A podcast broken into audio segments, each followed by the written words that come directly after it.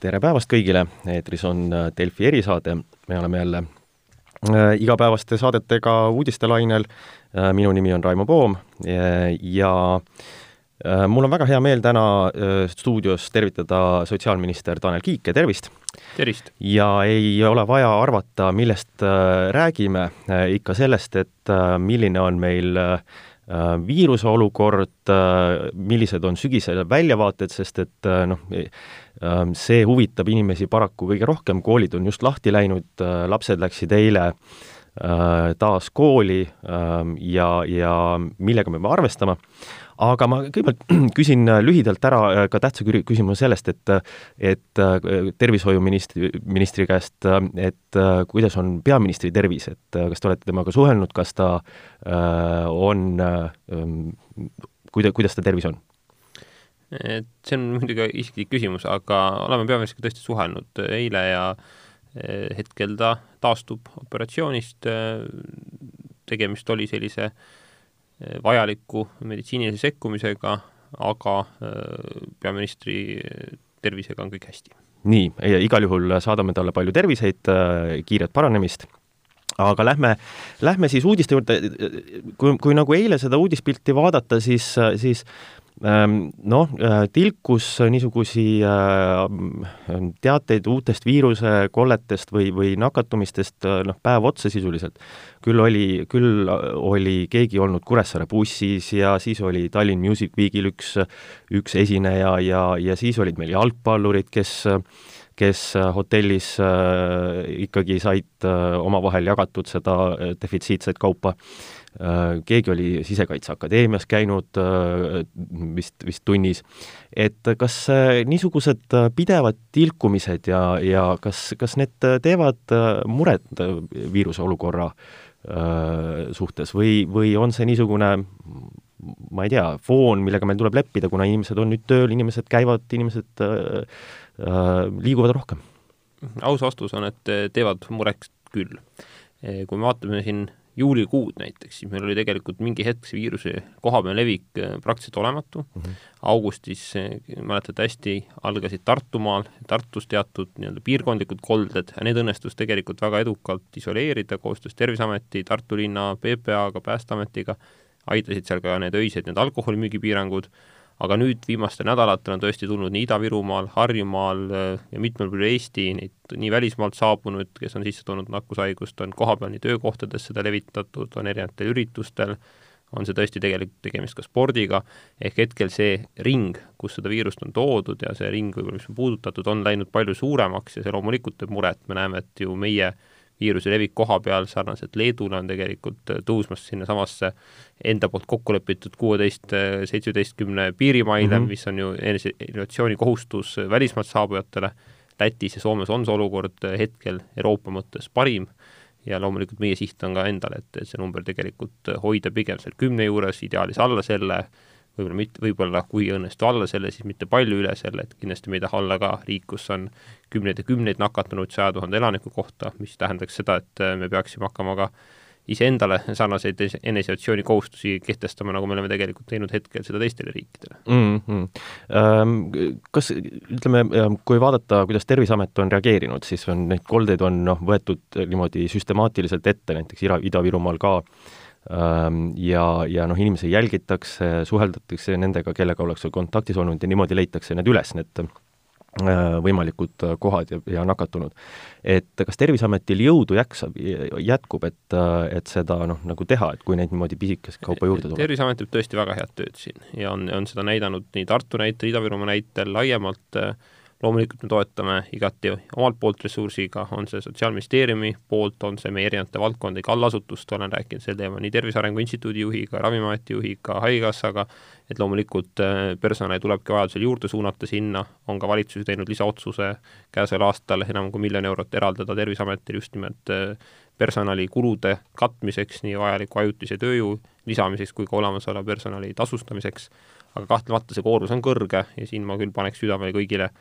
välismaalt saabujatele, kõigile, kes on mõne nakkushaige kokku puutunud, käitume ise vastutustundlikult, meil ei ole kiiret kuskile pidudele minekuga, väljaminekuga, eneseisolatsiooni kohustus on täitmiseks, vajadusel tuleb ennast testida, püsida testi tulemuseni kodus, ja ma arvan, et ükski meist ei taha endale seda teadmist või vastutust, et oleme mõne oma lähedase või ka enda jaoks võõra inimese, kes on ka kellegi ema, isa, vanaema, vanaisa nakatanud ja teatavasti eakamate puhul see haigus võib olla väga ränga lõpuga mm,. Mm, seda küll ähm,.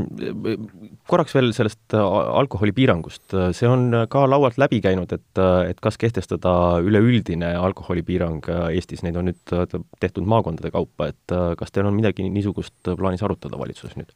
no minu soov on tõesti see, et, et põhimõtteliselt iga neljapäev peaks üle vaatama, et kas selle järgi on vajadus või ei ole, eelmine neljapäev otsustati, et lähme veel maakondlikku teed, vaatame, kuidas see aitab koha peal Ida-Virumaal, Harjumaal, Kagu-Eestis, Tartumaal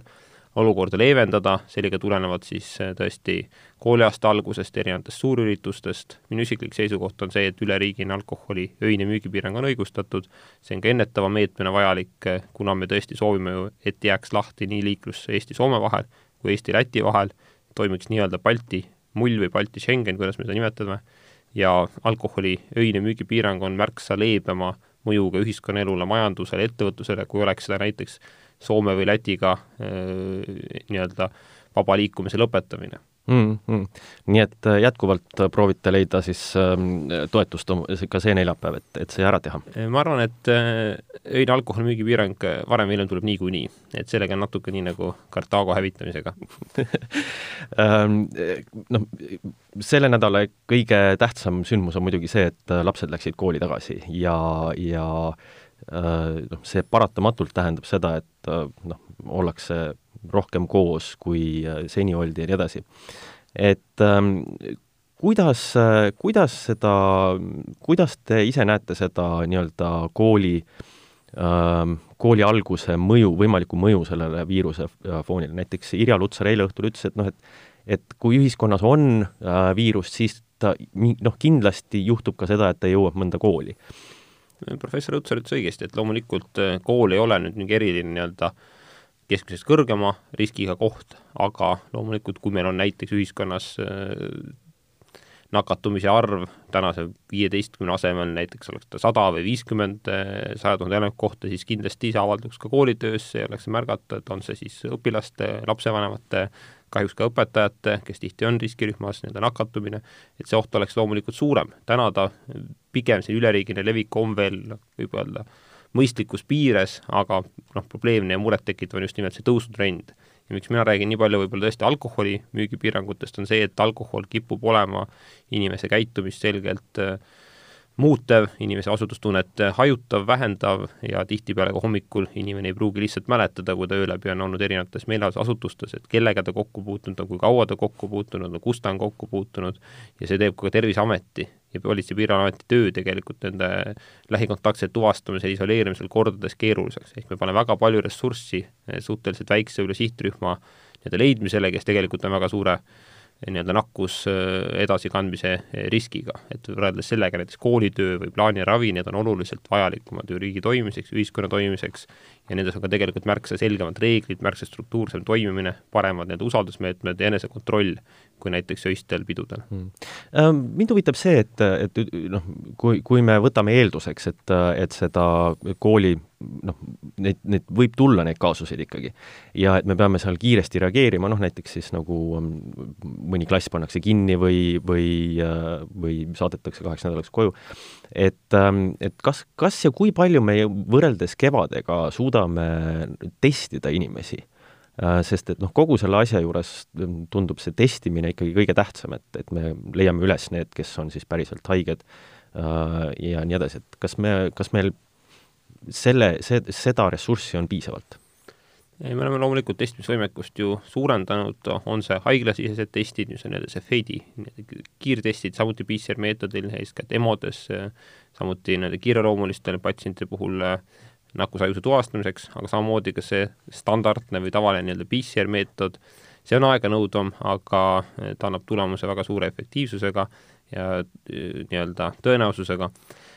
oleme hetkel koostöös just nimelt erasektoriga ju taaskäivitanud laiaulatusliku võrgustiku, lisandunud on ka testimisvõimalus veel sadamas ja lennujaamas, et meil on siin ressurssi, aga loomulikult oluline on ka see, et, et keda testida. ehk et kui näiteks me räägimegi koolis levivast nakkusest, siis selge on see, et esimene sihtrühm, esimene murettekitav osa on siis konkreetne klass, ja konkreetsed ruumid, kus on siis see nakatunu viibinud, et näiteks iga nakkuse puhul asuda tervet kooli kogu personali, kõiki õpilasi laustestima, sellel poleks lihtsalt nagu mõtet, et oleks ebamõistlik ressursi kasutamine, ta on ka ebameeldiv protseduur tegelikult lastele, et siin tuleb väga selgelt äh, süsteemselt läheneda, just sinna suunata ressurssi, kus on kõige suurem potentsiaalne nii-öelda nakkuse oht ja, ja võimalus tuvastada neid nakatunuid mm. -hmm mis meil, kas teil on umbes, umbes teada, mis meil see niisugune ööpäeva võimekus on, et praegu? noh, ööpäevavõimekust on võimalik tõsta, ehk et äh, meil on siin viimastel ööpäevadel tõesti siin paari tuhande juures olnud tihtipeale see testitute ja analüüsitute osakaal, me teame, et me saame seda numbrit ka suurendada, Synlab on oma laborivõimekust tõstnud, meil on ka haiglates tegelikult võimekust, meil on ka Terviseameti laboris see võimalus olemas, et igal juhul eh, võib öelda, et eh, kõige keerulisem osa on tegelikult nende proovide kogumine, see kättesaamine mm, -hmm. kõik see brigaadide liikumine, kuna me ei taha ju ka seda, et nakkusohtlikud inimesed liiguksid ringi, et siis tihtipeale tuleb inimestele kas minna koju või tuleb siis teha seda nii-öelda drive-in meetodil ja muul viisil, et, et laborite taha tegelikult ei jää, et laborites meil on võimekus äh, sellele kahe tuhandele lisada veel teist sama palju vajadusel neid öiseid analüüse mm. -hmm. Ähm, reisimisest ja, ja, ja samamoodi jõustusid uued äh, reeglid, ehk siis äh, nüüd lennujaamas, sadamas on võimalik äh, eilsest või ennast testida ähm,. kas selle saab korraks üle käia, et mis see, mis see süsteem nüüd on täpsemalt ja mis see tähendab, äh, sest et noh, siiamaani on räägitud, et tuleb kaks nädalat kodus olla, aga nüüd on kaks testi ja natuke lühemalt.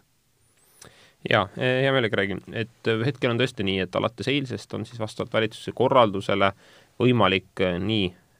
välismaalt saabujatel siis sadamas, lennujaamas, aga tegelikult ka laiemalt hiljem soovi korral eraldi nende testimispunktides teha koroonaviiruse proov kui see proov osutub ähm, negatiivseks, siis on võimalik minna kokkuleppel tööandjaga tööle. Ja see tähendab tõesti seda, et, et inimene ei ole eneseisolatsioonist päris vabastatud, aga tal on õigus käia tööl, kui ei ole võimalik kaugtööd teha. loomulikult tuleb seda teha vastutustundlikult, äh, nagu öeldud, kokkuleppel tööandjaga ja see erisus tõesti ei laiene mujale, ehk et ei ole nii, et sa võid minna teatrisse, kinno või pubisse, äh, see on mõeldud selleks, et inimesed saaksid tööellu naasta ja see ei laiene ka õpilastele, ehk haridusvaldkonnas on kokkulepe just nimelt koolikeskkonna nii-öelda kaitsmiseks, ohutuse tagamiseks, et, et õpilaste puhul jätkuvalt on jõus see kahe nädala eneseisolatsiooni nõue mm. -hmm kui inimene on siis selle esimese negatiivse testi teinud, nädal aega käinud tööl eh, ja soovib eh, nii-öelda lõplikku vabastust eneseisolatsioonist, siis tal on kaks varianti, kas ta ootab veel nädala, on sellises nii-öelda vahepealses režiimis või ta läheb teise testi ja kui ta, selle tulemus on samuti negatiivne, siis ta on täielikult vabastatud eneseisolatsioonist, sest kahe testi puhul, millel vahe on nädal aega, on juba teadusnõukoja hinnangul piisav nii-öelda kindlus, et inimene tegelikult on vi terve viirusest, tal ei ole nii-öelda peiteperioodi või muid selliseid nii-öelda riske, mida peaks maandama. ja need testid on tasuta seal äh, lennujaamas? Tõepoolest on valitsuse eesmärk see, et võimalikult palju neid välismaalt saabujaid äh, selle testi teeksid. see on kõige lihtsamalt öeldes see põhjus, miks see ka tasuta on. ehk et ei tekiks olukorda, kus keegi jätab majanduslikel põhjustel testi tegemata, äh, sellest hoolimata näiteks eneseisolatsiooni kohustust täiel määral ei täida, või mis seal salata, inimesed ju peavad elama äh, siiski tavalises koduses keskkonnas, kus on tihtipeale lapsed, teised pereliikmed, kellel vanemad, kellel abikaasa, elukaaslane ehk äh, igal juhul äh, on oht nakatada vähemalt nelja-viite inimest, äh, võib-olla ka poekeskkonnas veel inimesi, et on mõistlik võimalikult palju välismaalt saabujaid testida, just nimelt kui nad tulevad kõrgema nakkusohuga riikidest, me näeme ka just Terviseameti ülevaadetes, et välismaalt sisse toodud juhtumite arv on kasvanud ja kindlasti suve lõpp, sügise algus, kus neid reise veel toimub ja kus me näeme, et veel võib-olla äh, inimesed taas tagasi lüüa töölainele, on oluline saada selline hea pilt ette. edaspidi ma julgen muidugi ennustada, et kõikvõimalikku reisimist siin sügisel jääb vähemaks nii Eesti mõttes kui ka laiemalt Euroopas, kuna see viiruse levik on tõusuteel peaaegu kogu Euroopas, maailmas tervikuna mm,. Ähm, aga palju see, palju see, kas on mingisugune hinnang, et palju see kokku maksab, et, äh, et äh, test on kaunis kallis, isegi tegin siin äh, alles, alles äh, nädala alguses, peaaegu kaheksakümmend eurot küsiti me oleme praegu arvestanud niimoodi, et äh, ööpäevas võib lisanduda seeläbi näiteks viissada testi, mis tähendaks seda, et kuine tulu, kulu jääks kuskil poole miljoni kuni miljoni vahele, sõltub tegelikult täpselt sellest, et kui palju siis neid ähm, testitegijaid on. Et loomulikult äh, me teeme sellise vahekokkuvõtte, kui on paar nädalat süsteem toiminud, kus reaalselt on siin näha, et kui paljud inimesed seda testi tegelikult soovivad, kui, kui populaarseks see osutub meil ei ole ju hetkel võimalik noh, täpselt seda prognoosida, kuna ta on vabatahtlik, ehk et inimene, kes tuleb välismaalt, võib minna ka koju kaheks nädalaks, aga võib teha testi, eile oli alles esimene päev, ma palusin esialgsed vahetulemused endale homseks nii-öelda kahe esimese päeva kohta, et kui valitsuse kabineti nõupidamine toimub, siis on võimalik anda ka selline esmane ülevaade, aga loomulikult ütleme, paar nädalat annab sellise parema pildi, kus me juba näeme ära, et et kui suur osakaal nii lennujaamast saabujatest, sadamast saabujatest kui ka teistest, kes tulevad kas auto või bussiga või rongiga, soovivad tegelikult eh, enda eh, nii-öelda tervist testida, et, et kiiremini tööturule naasta. ja juhul, kui me näeme, et seda hakatakse mis tahes põhjustel kuritarvitama või me näeme, et see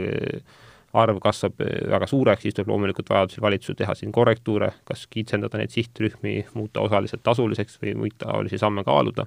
aga praegu seni kehtib selline kuldreegel, et kui sul on sümptomid, kui sul on tervisemured, pöördud perearsti poole, räägid temaga, saad vajadusel saatekirja, kui sa tuled välismaalt kõrge nakatumisega riigist, siis sa saad teha kas lennujaamas, sadamas, hiljem käivitub ka vastav nii-öelda erinomber, kuhu on võimalik helistada just nimelt nendel inimestel, kes siis nii-öelda välismaalt saabudes sellist nii-öelda vahepealset eneseisolatsiooni vabastust äh, taotlevad. aa, niisugune erinumber tuleb, jah? jaa, meil on täna tegelikult äh, pressikonverents kell äh, üksteist ja, ja seal on ka kohal Tõnis Allik, kes on üks siis selle nii-öelda testimise, ütleme siis äh, ettevõtete meeskonna juhte ja, ja ta selgitab ka täpsemalt tehniliselt just selle poole, et, et kuidas käib nende inimeste testimine, kes ei tule otse lennujaamasse sadamas või kes soovivad hiljem ennast testida mm. -hmm. sest paratamatult me teame kõik, et noh, üle Läti piiri või mujalt võib samamoodi saabuda inimesi, kes tegelikult on tulnud näiteks Riia kaudu aga äh, riigiga saabunud hoopis Hispaaniast või, või mis tahes muust riigist. just um,. Rääkides natuke sellest reisimist, te ütlesite küll, et, et seda vähemaks arvatavasti jääbki, aga noh, ähm, sest et äh, foon läheb üles ja inimesed on ka kartlikud ja ma ütlen, ei ole väga mõnus uh, praegu reisida, ütleme, see ikkagi tunne on ebakindel, kuna sa ei tea, kes on sul lennukis või nii edasi. aga, aga eile õhtul professor Lutsar rääkis nendest sammudest lennu äh, Äh, lennupiirangutest ja rääkis ka nendest äh, arvudest, millest me oleme lähtunud, seesama kuusteist äh, saja tuhande kohta ja kakskümmend viis. ja ta ütles päris otse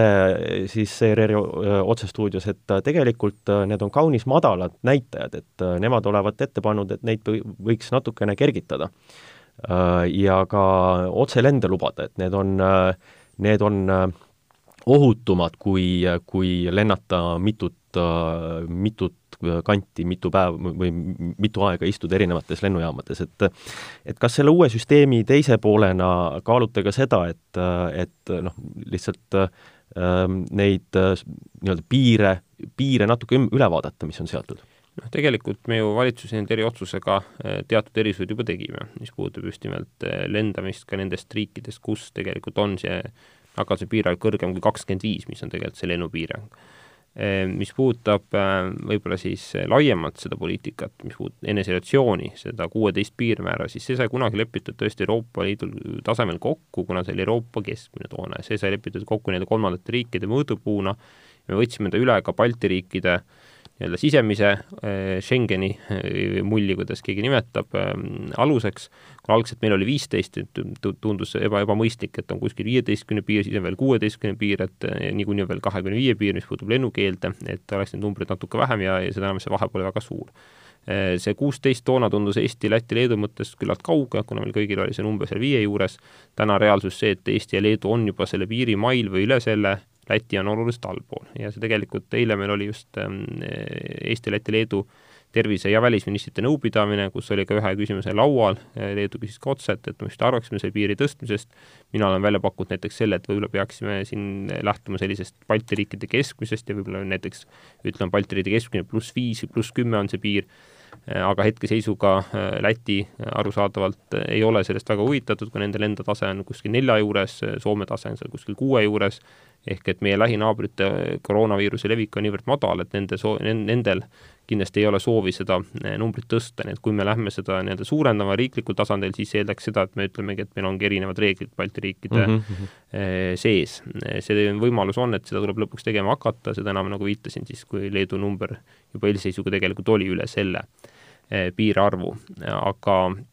aga mis mulle endale nagu öelda, tunduks mõistlik, on tegelikult selline sidumine kas siis meie kolme keskmisega või riigi, riigi enda omaga, sest eh, vastasel juhul võib tekkida selliseid skisofreenilisi olukordi, kus näiteks hüpoteetiliselt võib olla kõigis kolmes Balti riigis nakatumise tase kuskil kahekümne, kahekümne viie juures ja siis on mingi riik, kus on ta kaheksateist ja siis me ütleme, et sealt riigist saabub ja peab jääma kodus koju kaheks nädalaks eneseisolatsiooni, olukorras, kus Balti riikide sees tegelikult võib levik olla kõrgem. ehk et sellised sihttasemed ikkagi kehtivad ju selle loogika järgi, et, et piirata tuleks nende inimeste liikumist, kes tulevad riigist, kus nakatumise tase on kõrgem kui mhm. Eestis ja kõrgem kui Balti riikides. et kui mingi hetk see enam ei päde ja ta on sama suur või hoopiski madalam, siis me ju arusaadavat, arusaadamatutel põhjustel diskrimineeriksime siis saabujaid. no just, just. ma viimased äh, kaks minutit äh, kasutaks sellest, et ma küsiks äh, teisest valdkonnast ka, mis on kaudselt, puudutab teie tööd et ähm, äh, esimene september oli ära, äh, see oli ka, nii palju kui ma aru saan, see kuupäev, kus need ähm, ettevõtted, kes said äh, palgatoetust siin suvel töökohtade hoidmiseks, neilt kadus see nii-öelda koondamise keeld ja noh, mis teha, ma olen kuulnud ikkagi mingeid sahinaid, et et mõeldakse koondamistele, võivad tulla kaunis suured koondamised, noh, just nendes sektorites, mis on saanud siin pihta, me räägime ähm, hotellindus, reisindus, midagi niisugust ähm,. Kas, kas te, kuidas te vaatate sellele olukorrale, et, et hoiate silma peal, mis on teie indikatsioonid, kas, kas on tulemas mingeid suuremaid asju ähm,, kas te valitsuses äh, kaalute veel mingisuguseid äh, nii-öelda toetusmeetmete jätkamisi, kui peaks tulema mingeid halbu, halbu uudiseid? väga tõsiselt vaatame olukorda loomulikult, selle koroonaviiruse kriisi ajal loodud palga nii-öelda toetuse, töötasuhüvitise eesmärk oli tõesti see, et, et selle lühiajalise ja väga võib-olla see ootamatult saabunud kriisi äh, tulemusena ei jääks äh, kümned ja sajad tuhanded inimesed töötuks. teame seda, et eelmise viirusekriisi ajal, vabandust, eelmise majanduskriisi ajal äh, kasvas töötuse määr üle saja tuhande, täna ta on seal viiekümne tuhande juures ehk poole väiksem, loomulikult meie siht on teda hoida seal, äh, aga kui see viiruse teine laine tuleb või selline, ütleme, järellainetus, kuidas kellelegi meeldib nimetada, siis loomulikult teatud sektorid saavad taas oluliselt pihta. Ja meil on ka ju pöördumine valitsuse poole ka näiteks turismisektorit just nimelt sellise toetuse loomiseks me oleme seda küsimust äh, põgusalt arutanud tööandjate ametiühingutega, leppinud kokku, et põhjalikult arutame. Esmaspäeval, kui on Töötukassa nii-öelda strateegiapäev, ehk et äh, see on üks küsimusi seal laual, olen ka ise teinud ettepaneku arutada sama teemat ka valitsuse majandusarengu komisjonis, peaminister seda ettepanekut toetas, ehk et äh, see on selline komisjon, kus on koos nii-öelda ettevõtluse, rahanduse, majanduse äh, valdkonna ministrid peaministri juhtimisel, et ka seal tõesti äh, arutada, et kas ja milliseid meetmeid peaks minema looma või millise, või millisel juhul me ütleme, et tegelikult see kriis on nii-öelda üleüldine ja ei ole enam mitte sektorites küsimus, vaid küsimus on üle riigi me oleme tõstnud äh, töötasu, vabandust, töötuskindlustushüvitisi ja uuest aastast tõuseb ka töötutoetus, see aitab eeskätt inimesi, kes on juba töö kaotanud, aga loomulikult ideaalvariant on ju selline proaktiivne lähenemine, et, et pakkuda inimestele ümberõpet, pakkuda inimestele võimalust äh, kas samas sektoris jätkata või, või uus töökoht leida, et, ähm, et töötuse arv ei hakkaks kiiresti tõusma, aga siin hetkel on küsimusi rohkem võib-olla kui vastuseid, on aus öelda, kuna me ju ei tea veel täpselt, mis saab, nagu enne viitasin, Soome suunal liikumisest, Läti suunal liikumisest, laiemalt äh, transpordist, me võime prognoosida, et äh, äh, pigem selline turism ei taastu. Sel sügisel, talvel, ei pruugi taastuda ka kevadel, et seal läheb aega, kuni on tõesti olemas tõhus, efektiivne ja pikaajaline to toimega vaktsiin, aga küsimus ongi selles, et kuidas me seni siis nii-öelda elame, et tsiteerides või parafraseerides professor Irja Lutsarit, et meil tuleb õppida viirusega elama, aga see tulebki siis sisustada igas valdkonnas eraldi, et kuidas see tähendab, mida see tähendab meditsiinivaldkonnas, mida tähendab haridusvaldkonnas, mida see tähendab turismis, ettevõtluses, majanduses tervikuna. hästi kiiresti, ähm, millal oleks lootust äh, teie parima teadmise juures äh, ähm, sellele vaktsiinile, mida nimetasite? Esimesed äh, saadetised on lubatud AstraZeneca poolt konkreetselt veel käesoleva aasta lõpus, aga see kindlasti ei puuduta seda tervikkogust, mida me taotleme, et pigem selline laiaulatuslik vaktsineerimine on järgmise aasta esimeses pooles, aga väga suur võib-olla soov või lootus on see, et, et veel selle aasta sees oleks võimalik alustada riskirühmade, on see eakamad hooldekodupatsiendid, tervishoiu eesliinitöötajad, vaktsineerimist. kas see lootus ka täitub, seda näitavad lähimad kuud nii, igal juhul jääme seda ootama, suur tänu täna stuudiosse tulemast, Tanel Kiik, ja aitäh kutsumast! ja kohtume taas Delfi erisaates juba järgmistel päevadel